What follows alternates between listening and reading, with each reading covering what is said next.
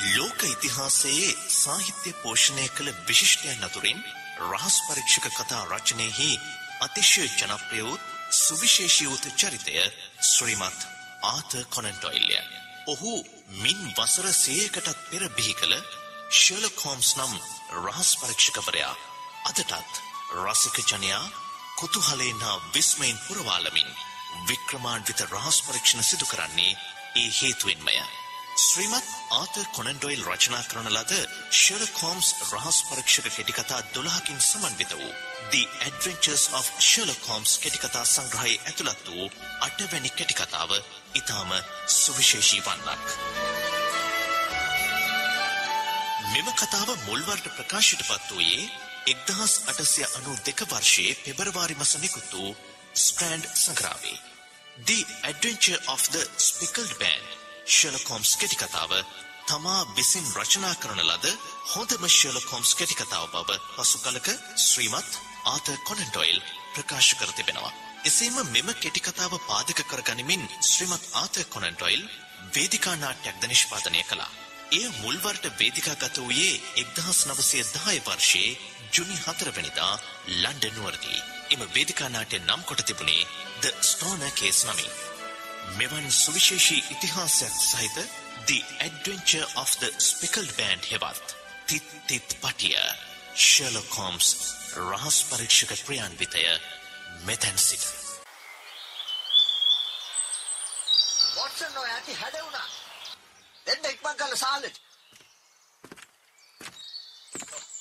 Holmes මොකද මේ අද කවදාවත් නැතු උදේ පාන්දරින් මහැරෙන්නේ ඇහැරුණා නෙවෙයි. මිසිස් හඩ්සන් නැවිත් මාව කීද්දුවා.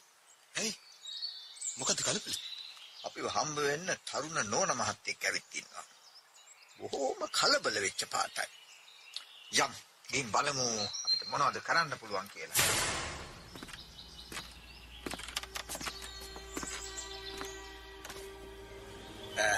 ටික වෙලාවක් මිස් වාඩි කරලා තියන්න උන එක ගැන කනගාටුයි. මම ෂර්ලොක් හෝම්ස්. මේ මගේ හවුල්කාරයා ඩොක්ටර් වොට්සන්. මම හෙලන් ස්ටෝන. ආ හොඳයි මිසිස් හඩ්සන් ගිනි උදුන දැල්වලා තියෙනවා. මට පේනවා මිස් ටෝන සීතලේ වෙවුලනවා වගේ. හීතරට නෙවෙයි මම වෙවුලන්නේ මිස්ටර් හෝම්ස්. එහෙමනම් බයට. මගේ හිතේ තියෙන බයට. ඒස් දෙකේ තියෙන පුදුම බයක් හරියට උගුලකට අහුවෙච්ච සතෙක් වගේ වයස 30කට වැඩිය නැතු ඇති ඒත් කොණ්ඩේ දැන් මම සුදු වෙලා බය වෙන්න ඕන නෑ මිස් ටෝන. අපි උදව් කරන්න ලෑස්ති. උදේ කොච්චේ නේද ආවේ? මම දන්නවද එහෙනම්? නෑ. ඒත් මට පේනවා වං අතේ අල්ලේ අත්මේස් එක අස්සේ තියෙන රිටර්න් ටිකට් එකේ ඉතුරු බායි. හිමි දිදි පාන්දරයි ගෙදරින් එන්න ඇත්තේ. ඒ දුම්රිය පොළට එන්න කලින් රේස් කරත් එක ඇවිල්ලා තියෙනවා. හුඟ දුරක්. මොනවා? කොහොමද ඒ වගේ දැනගත්තේ? පුදුම වෙන්න දෙයක් නෑ මැඩම්. ඔය ජගත් එකේ වං අතේ හත් පොලකට වැඩිය මඩ ගෑවිලා තියෙනවා. අලුත්ම මඩ පාරවල්. රේස් කරත් එක ඇර වෙන මොන වාහනයක ආවත් ඔහොම මඩ ගෑවෙන්න විදියක් නැහැ. මිස්ටර් හෝම්ස් කොහොම දැනගෙන මේවා කිව්වත් කාරණාව ඇත්ත. මම ගෙදරින් පිටත් වුණේ හයටත් කලින්. මට මේක උහුලගෙන ඉන්න බෑ මිස්ටර් හෝම්ස්. තවදුරටත් මෙහෙම ඉන්න සිද්ධ වුණොත් මට පිස්සු හැදේ. ඉස්සර වෙලා හොඳට හිත සංසුන් කරගන්න.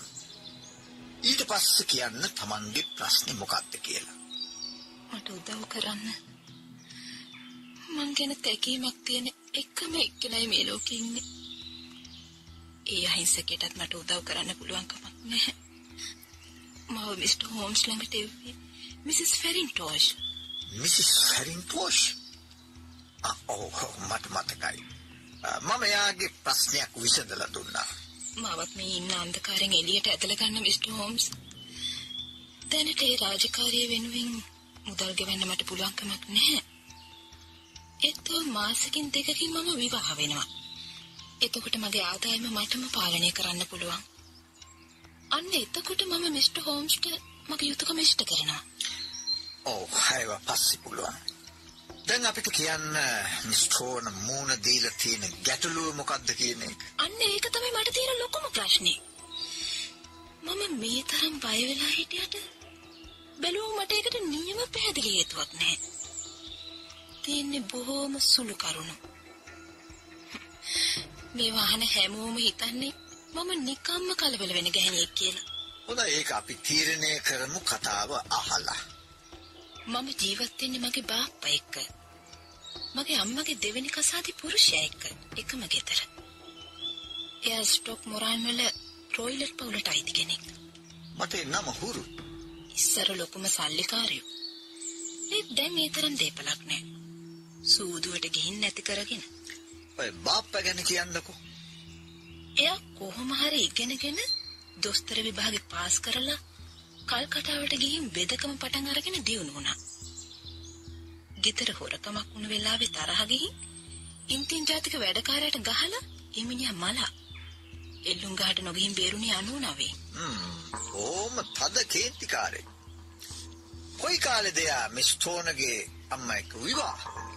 ඉන්දියාවේ තමයි. හ්ම්. මගේ තාත්තා එහි හමුදාවේ මේජර් ජෙනරල් කෙනෙක් වෙලා ඉඳලා කැරල්ලක් වෙලාවේ මලා. කියන්න බලන්න පවුල විස්තර. මට ජුලියා කියලා නියුන් සහෝදරියක් හිටියා. ඔව්. අම්මා දෙවෙනි වතාවට විවාහ වෙනකොට අපිට වයස අවුරුදු දෙකයි. දැන් සෑහෙන කාලයක් එතකොට. අපේ තාත්තා වෙනුවෙන් අම්මට ලොකු පෙන්ෂන් එකක් ලැබුණා. ඒක අම්මා දොස්තර රොයිලට්ට පැවරුවා. අනුව අපි විවාහ වෙනතුරු අපිට ලැබෙන්නේ සුළු මාසික මුදලක් විතරයි. එතකොට එංගලන්තයට ආවට පස්සේ මෙහි ඇවිත් ටික කාලයකට පස්සේ අම්මා මලා රියානතුරකින්. ඒ අවුරුදු 8කට ඉස්සර ඔව්. ඊට පස්සේ ඊට පස්සේ බාප්පා ලන්ඩන් නුවර වෙදකම අත්හැරලා ස්ටොක් මොරාන් වල එයාගේ පරම්පරාගත ඉඩමේ අපිත් එක්ක ඇවිත් පදිංචි වුණා. අම්මගේ මුදල් ලැබුණ හින්දා අපිට අගහිඟයක් තිබුණේ නෑ. මේ කාලේ තමයි බාප්පගේ විශාල වෙනස්කමක් ඇති වුණේ. මොකද්ද උනේ? ගමේ හැමෝ එක්කම රණ්ඩු වෙලා අඩ දබර ඇති කරගන්න පටන් ගත්තා. නඩුමකට ඊටම් පහින්ද සිද්ධ වුණා. එයාට පුදුම කාය ශක්තියක් තියෙනවා. ඒ වගේම මැඩ පවත්ව ගන්න බැරි තරහක් ඇති වෙනවා. මට තේරෙනවා තත්ත්වේ. අපිට ආශ්‍රය කරන්න අවට කිසිම කෙනෙක් නැහැ. හතර වටේම තරහයි. කතා බහ කරන්නවත් ඉන්නේ බාප්පගෙන් අවසර අරගෙන වත්තේ මුල්ලක කූඩාරම් ගහගෙන ඉන්න අයිකුන්ට කිය කට්ටියක්. ආශ්‍රේත අපූරු කට්ටියක්. බාප්පා වනසතුන්ට කැමති. දැනුත් වත්තේ බැබුම් එකකුයි චීටාවෙකුයි නිදහසේ ජීවත් වෙනවා. ඒ හින්දා පණ ඇති කෙනෙක් වත්තට ඇතුල් වෙන්න බයයි. අපූරු මුරකාරයෝ දෙන්නේ. මමයි ජුලියයි හිතේ කිසිම සතුටකින් නෙවෙයි ජීවත් වුනේ. ඔව්. ඒක මට හිතා ගන්න පුළුවන්. කිසිම වැඩකාරයෙක් අපේ ගෙදර නවතින්න කැමති වුණෙත් නෑ. අපේ වැඩ අපිටම කරගන්න උනා. ජුලියා මැරෙනකොට වයස 30යි. ඒත් මගේ වගේම කොණ්ඩේ සුදු වෙන්න පටන් අරගෙන. එතකොට තමන්ගේ සහෝදරි මැරිලා. ඔව්. අවුරුදු දෙකකට කලින්. ඒ මරණ ගැන තමයි මට මිස්ටර් හෝම්ස්ට කියන්න ඕනේ. අපිට සමාජ ආශ්‍රයක් තිබුණෙම නෑ. ඒත් ඉඳලා හිටලා අපේ නැන්ද කෙනෙක් බලන්න යන්න බාප්පා අවසර දීලා තිබුණා. ඒදි තමයි එයාට මේජර් මෙරින්ස් මුණ ගැහිලා විවාහ යෝජනා කළේ. හරි. බාප්පා ඒ ගැන දැනගත්තාම මොකද වුනේ? කිසිම විරුද්ධත්වයක් දැක්වේ නෑ. මගුල නියම කරගත්ත දිනේට හරියටම සුමාන දෙකකට කලින් මේ භයානක දේ සිද්ධ වුණා. මට හිතපු එකම නෑ හිතවතා නැති වුණා. හරියටම කියන්න මරණය සිද්ධ වෙච්ච හැටි. මට ඒ අකුරක් පාස මතකයි. ඒකේ හුඟක් පරණ එකක්. දැන් එක කොටසක විතරයි අපි පදිංචි. නිතන කාමර තියෙන එක පේලියට. පළවෙනි එක බාප්පගේ. දෙවෙනි එක අක්කගේ. තුන්වෙනි එක මගේ. කාමරෙන් කාමරයට යන්න බෑ. ඔක්කොම දොරවල් එක පැත්තේ. අයිනෙන් කොරිඩෝරයක් තියෙනවා. පැහැදිලිද? ඔව්. හොඳටම පැහැදිලි. ජනෙල් ඇරෙන්නේ මිදුල පැත්තට. මරණ වෙච්ච දවසේ බාප්පා වේලපහම කාමරයට වැටුණා. ඒත් අපි දැනගත්ත එයා නිදි නැති වගේ. ඒ කොහොමද? අපිට තදින්ම සුරුට්ටු ගඳ ආවා. ඔව්. හරි. ජුලියා මගේ කාමරයට ඇවිත් ටිකක් වෙලා මගුල් උත්සවය ගැන කතා කර කර හිටියා. එකොළහට ආපහු යන්න නැගිට්ටා. ඒත් දුර ළඟ නැවතිලා හැරිලා බැලුවා. ඔව්. නැවතිලා. කවුරු හරි රැයට විසිල් කරන සද්දයක් ඇහුණද කියලා ඇහුවා. මම කිව්වා නෑ කියලා. ඔයාවත් නින්දෙන් එහෙම කළාද කියලා ඒ ගමන ඇහුවා. මම කිව්වා ඒත් නෑ කියලා. ඇයි එහෙම අහන්න හේතු? ඊට කලින් කීප දවසක්ම හැමදාම පාන්දර 3ට විතර එයාට බොහොම පැහැදිලිව විසිල් කරන සද්දයක් ඇහිලා තියෙනවා. ওই සද්දේ මිස් ටෝනට ඇහුනේ නැද්ද? නෑ. අක්කට කොහොමත් අදින් නිින්ද යන්නේ නෑ. ඒක ඇහුනේ අනෙක් කාමරෙන්ද වත්තෙන්ද කියන එක ගැන එයාට තේරුමක් තිබිලා නැහැ. මම කිව්වා මේක ආයිකුන්ටිකේන්ගේ වැඩක් වෙන්නේ නැති කියලා. එයා ඇහුවා එහෙමනම් ඒ ඔයාට ඒ සද්ද ඇහුනේ නැත්තේ කියලා. ඔව් ඒ තර්කේ හරි.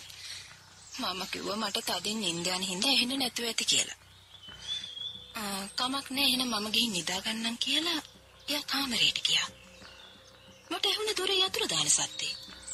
එතකොට හැමදාම දොරවල් ඇතුලෙන් අගුල් දාගෙනද දෙන්නම නිදාගන්නේ. ඔව් ඇයි? මම කිව්වේ වත්තේ අර බැබුණුයි චීට වගේ සත්තු ඉන්නේ හින්දා අපි බයෙන් හිටියේ. හරි. කියන්නේ ඉතුරු හරි. මට එදා නිින්ද ගියේ නෑ. මහා අනියත බයක් හිතට දැනුණා. මම කිව්වේ අපි දෙන්න නියුන්නු. ඉතින් අපි බොහොම සමීපයි. ඔව් ඒ වගේම සමානයි. එදා තදින් බැස්සයි හුළඟයි තිබුණා. ඒ සත්‍ය හස්සේ තමයි මට මර බයේ කෑ ගහන ගෑනු කටහඬක් ඇහුනේ. මම දැනගත්තේ ඒක අක්කගේ කටහඬ වගේ. මම ඇඳෙන් බිමට පැනලා කොරිඩෝර එකට දිව්වා.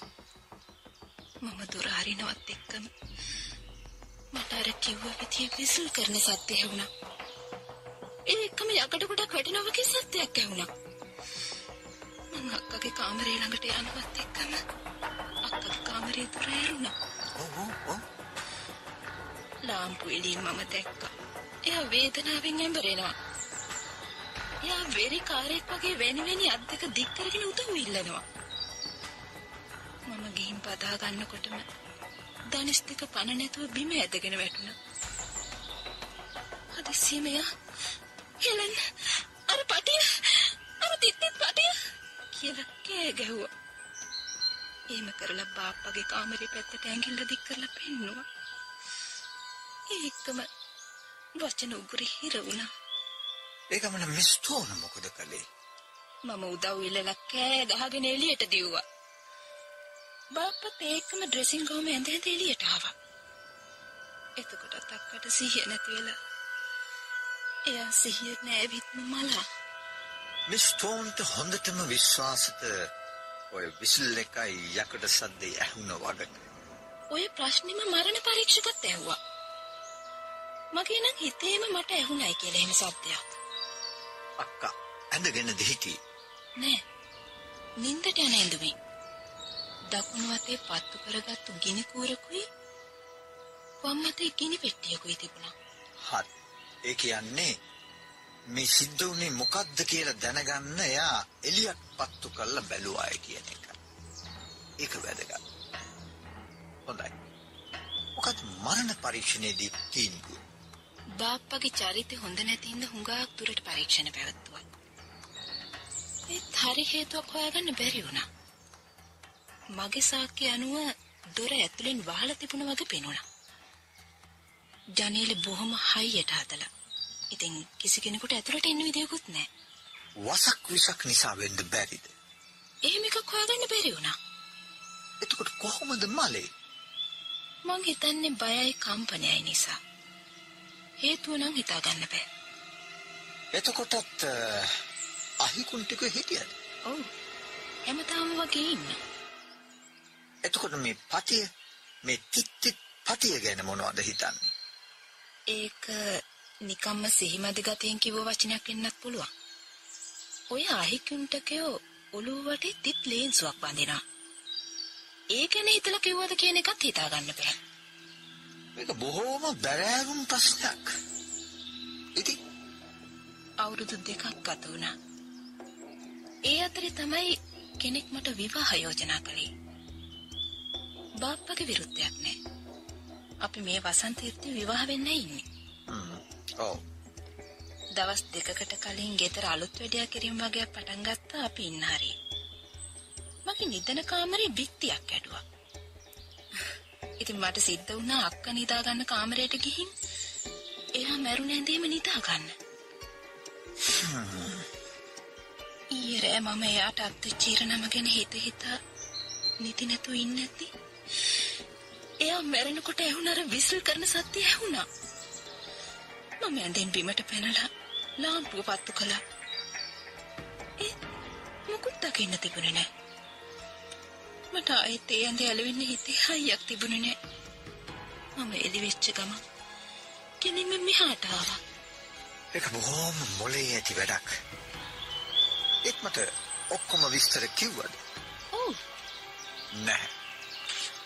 මිස්ටෝන බාපව ආරක්ෂා කරනවා. මට තේරෙන්නේ මිස්ටර් හෝම්ස් කියන දේ. මට පේනවා ඔය මැණික් කටුවට උඩින් අතේ රතුවට තියෙන ඇඟිලි පාරවල්. මිස්ටෝනට වද හිංසා කරලා තියෙනවා. එයා හරිම දරුණු මිනිහෙක්. තමන්ගේ ඇඟේ හයිය තමන්ම දන්නේ නැහැ. මේක බොහෝම අවදානම් තත්ත්වයක්. මට තව දැනගන්න ඕන කරුණු 1000කුත් එකක් තියෙනවා. මේ ගැන තීරණයක් ගන්න කලින් මේක මොහොතක්වත් කාලේ අපතේ අරින්න බෑ. අපි අද එහෙට ආවොත් බාප්පට හොරෙන් මේ කාමර බලා ගන්න පුළුවන් වෙයිද? බාප්පා අද ටවුමට එන වගක් කිව්ව රාජකාරි වගේකට. ඔව්. මං හිතන්නේ හවස් වෙයි ආපහු එනකොට. ඒින්ද අපිට බාධාවක් නැහැ. අපේ වයසක කුස්සියම්මට වැඩි තේරුමකුත් නැහැ. අගේ වොට්සන්. මම බාධා නොකර අහගෙන හිටියා. එනවද මේ ගමන යන්න? නැතුව හරි. අපි දෙන්නම එනවා. දැන් මේ ස්ටෝන් මොකද කරන්නේ? මට මෙහින් ගන්න පොඩි පොඩි බඩු ටිකක් තියෙනවා. මම දවල් 12 කෝච්චියෙන් ආපහු යනවා. හරි. අපි හවස එහෙ ඇති.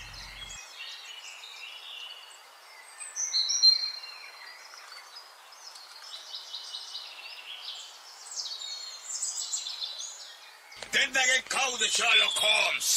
මමයි. මේ මහත්මයා මම ස්ටොක් මොරාන් වල ග්‍රිප්සි රොයිලන්. වාඩි වෙන්න ડોක්ටර්. වාඩි වෙවි ඉන්න මට ඕන කමක් නැහැ. හෙලන් මෙහාට ඇවිත් තියෙනවා. මොනවද ඇවිත් කිව්වේ? ડોක්ටර්. මොන හරි බොමුද? ඒ අනුන්ගේ වැඩවලට ඇඟිලි ගහලා නතර නොකළොත් මොන මොනවා වේවිද කියන එක කියන්න අමාරුයි. ඒක කරන්නේ කවුද කියන එක තමයි මට හිතා ගන්න බැරි. Tamange පාඩුවේ ඉන්න දන්නේ නැති කරදරකාරයෝ. ඕම ලස්සන කතා බහ. මේ යනකොට දොර වහගෙන යන්න.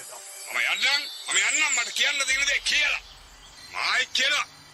මගේ වැඩවලට ඇඟිලි ගහන එක අවදානම් වැඩක්. මම දන්නවා මිස්ටෝඩා මෙහෙ ආවවක. මම කලින්ම කියන්නේ මාත් එක්ක සෙල්ලම් කරන්න හදන එක බොහොම භයානකයි. මම පෙන්නන්න පොඩි සාම්පලයක්.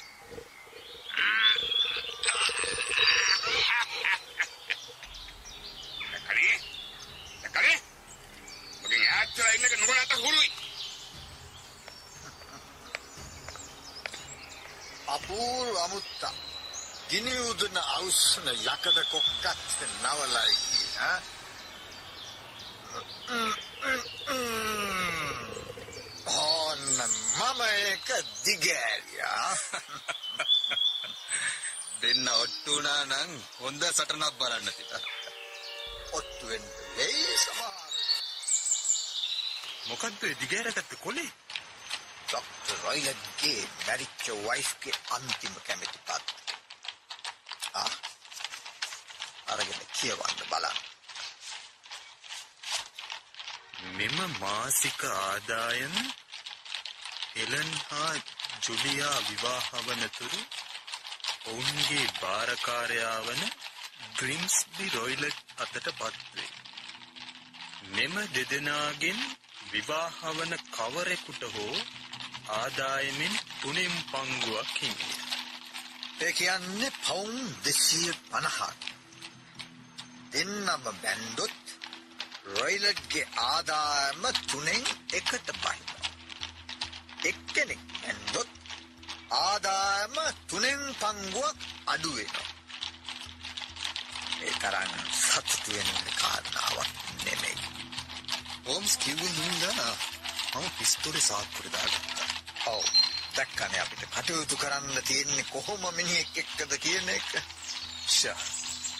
මේ හරියනම් බොහොම ලස්සන පළාතක් හෝම්ස්. ඔව්. ආ අර තියෙන්නේ මොලාන් කියලා ගහලා අ ඔහොම නතර කරන්න කරන්නේ.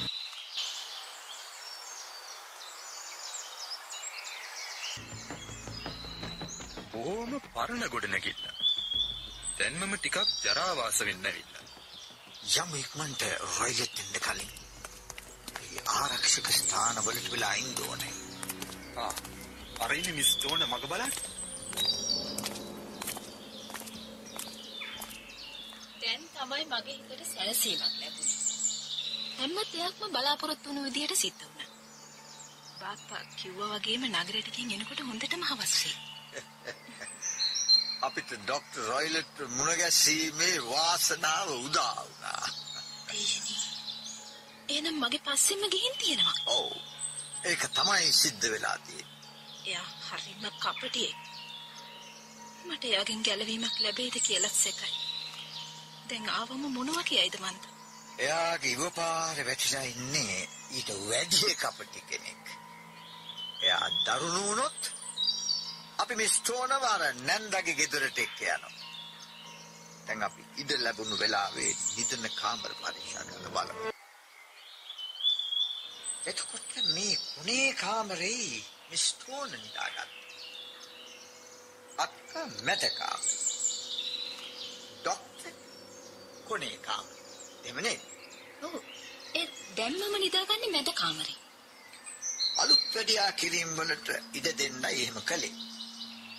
ඒ ගේ මේ කොටසේ කිසිම දි รา පත් වීමක් නැහැ මට පේන විදිහට නම්.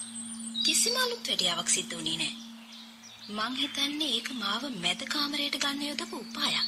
ඔව් වෙන්න පුළුවන්. කාමර තුනටම ජනෙල් තියෙනවා. දෙන්නම ඇතුලෙන් දොරවල් අගුල් දාගෙන නිදා ගන්න හන්දා. කාටවත් එළියේ ඉඳලා කාමරයට ඇතුල් වෙන්න බෑ. එතකොට එහෙනම් කාමර ඇතුලේ බලමු. ඉස්සර වෙන්න වොට්සන්. හ්ම්. ඉස්සෙල්ලා පරීක්ෂා කරන්නේ මිස් ටෝන කලින් නිදාගත්ත කාමරේද? නෑ. අපි ඉස්සෙල්ලා බලමු. දැන් මෙයා නිදා ගන්න ඔය මැද කාමර. හ්ම්. බොහෝම අපූරු කාමර පොත්. හෝම්ස්ට නම් අපට නොපෙනෙන හුඟක් දේවල් පෙනෙන ඉඩ තියෙනවා මේක ඇතුලේ. මේ ඇඳ ළඟ කොට්ටේ ගෑවි ගෑවි එල්ලි එල්ලි තියෙන්නේ බෙල් එකක ලණුවක්. මොකටද ඒක? ඒක තියෙන්නේ කුස්සිය අම්මගේ කාමරේට. ඒ අනිත් උපකරණ වලට වැඩි අලුත් පාටයි. ඔව්. අවුරුදු දෙක තුනකට කලින් තමයි හයි කරුවේ. අක්කගේ ඕනකමට වෙන්න ඇති. නෑ. මම කවදාවත් දැකලා අක්කවක පාවිච්චි කරනවා. අපි පුරුදු වෙලා ඉන්නේ අපිට ඕන කරන හැම දෙයක්ම අපිම ගිහින් අරගන්න. එහෙමද? එහෙමනම් අපරාධනේ මෙච්චර අගේ ඇති ලණුවක් වැඩක් ගන්නෙ නැති සීනුවක් වෙනුවෙන් නාස්ති කරලා තියෙන්නේ. ඒ ගමන හෝම්ස් පළඟු කණ්ණාඩි අරගෙන පොළොව පරීක්ෂා කරන්න පටන් ගත්තා. මොකක් කරි සැකයක් ඇති වෙන්නේ නැති. මොනවා? මේ සීනු ලණුව බොරු එකක් නේ. ඇයි? ඒක ඇත්තම සීනු වදින්නේ නැද්ද? වදින්නේ කොහොමද? කම්බියකට කොහේවත් සම්බන්ධ වෙලා නැහැ. ආ. මේක අර හුලං කවුළුවේ කට ළඟ කොක්කට හයි කරලා තියෙනවා. හරි වැඩක් නේ. මට ওই වගේ මීට කලින් පෙනුනේම නැහැ. ආදිම පුදුමයක්. මේ කාමරේ මහා පුදුම හිතන කාරණා දෙක තුනක් තියෙනවා. දැන් මේ හුලං කවුළුව තියලා තියෙන්නේ එළිය පැත්තේ බිත්තියේ නෙමෙයි. අනික් කාමරේ පැත්තේ බිත්තිය. කොහොමද හුලං එන්නේ? ඒකත් බොහොම ළඟදී කරපු වෙනසක්. ඔය සීනු ලනුව හයි කරපු කාලෙම වෙන්න ඇති නේ. ඔව්. පොඩි පොඩි වෙනස්කම් කීපයක්ම කෙරුවා. අමුතුම තාල වෙනස් කිරීම. වදින්නේ නැති සීන්. හුලං නොයන හුලංකව්. අත්. දැන් අපි යමු ඩොක්ටර් රොයිලට්ගේ කාමරේ. අනිත් කාමරයට වඩා ලොකුයි. ඒ බඩු මුච්ච නම් බොහෝම ටිකයි. අක්කුල නැඳයි, පොත්‍රාක්‍යයි, ඇඳි පුටුවයි, නිකම් පුටුවයි පොඩි මේසෙයි. හ්ම්. යකඩ සේප්පුවක් තියෙනවා. මොනවද මේ යකඩ සේප්පුවේ තියෙන්නේ?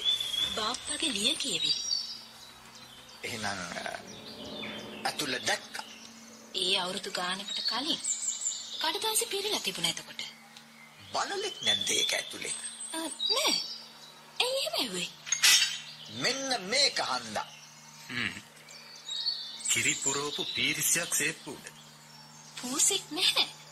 චීටයි බෙබුණුයි නම් ඉන්නවා. ඔව් චීතා කියන්නෙත් ලොකු බලලෙක්. ඒත් මේ පුංචි පීසියකට කිරි දීලා බඩගින්න නිවන්න බෑ.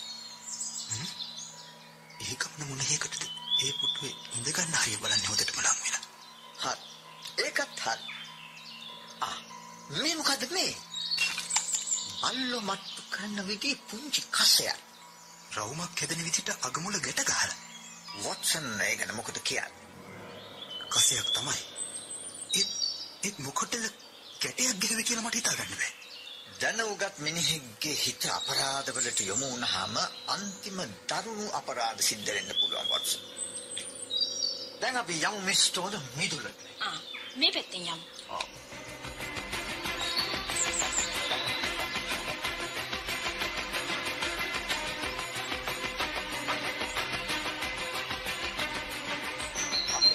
දේ. මිස්ටෝන මම දෙන උපදෙස් අකුරටම පිළිපදින්න ඕනේ. හොඳයි. මිස්ටෝනගේ ජීවිතය ආරක්ෂා වෙන්නේ අපි කියන විදිහට කටයුතු කළොත් පමණයි. මම කියන ඕනෙම දෙයක් කරන්න. මමයි වොට්සනුයි මිස්ටෝනගේ කාමරේ අද රාත්‍රිය ගත කරන්න. මොනවා? ඔව්. අරක නේද ගමේ තානායම. ඔව්. ක්‍රවුන්ින්. මිස්ගේ කාමරේ ජනේලේ එතනට පේනවනේ. ඔව්. හොඳයි.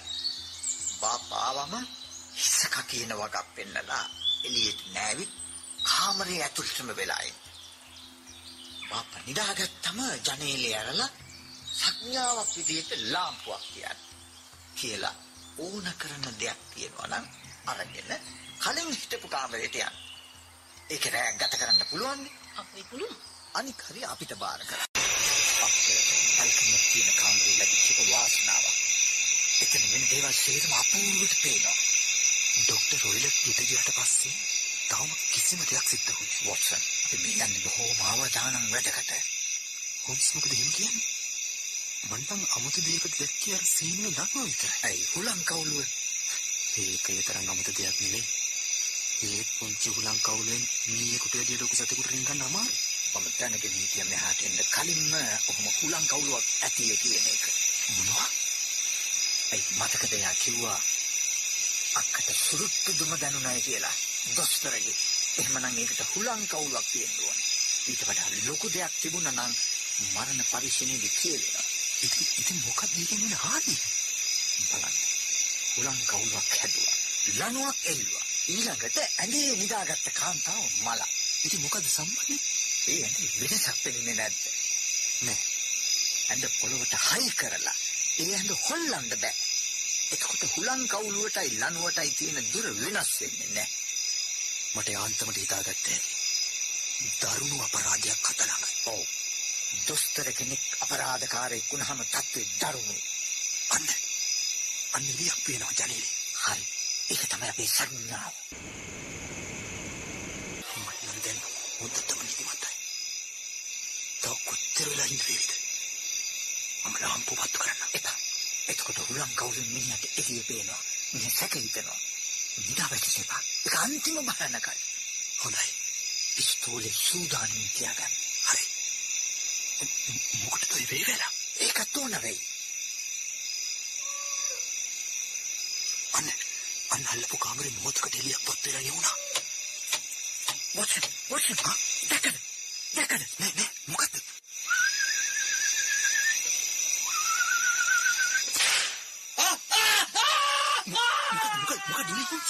සේරම සිද්ධ වෙලා ඉවරයි. ගන්න පිස්තෝලෙත්. යම් ડોક્ટર ඔලිත් කාමරේට. හොම්ස්. අන්නර පටිය.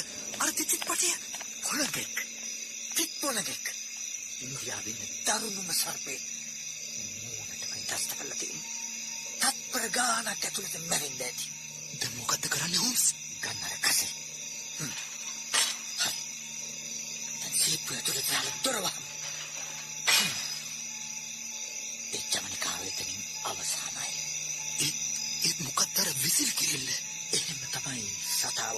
ආපහු ගෙන්න ගන්න පුරුදු කරලා තිබුණේ. මගේ වේවැල් පාරට සර්පෙට තරහ ගිය නිසා ඌ ආපහු හෙයිලා හාම් පුතාටම දෂ්ට කළා.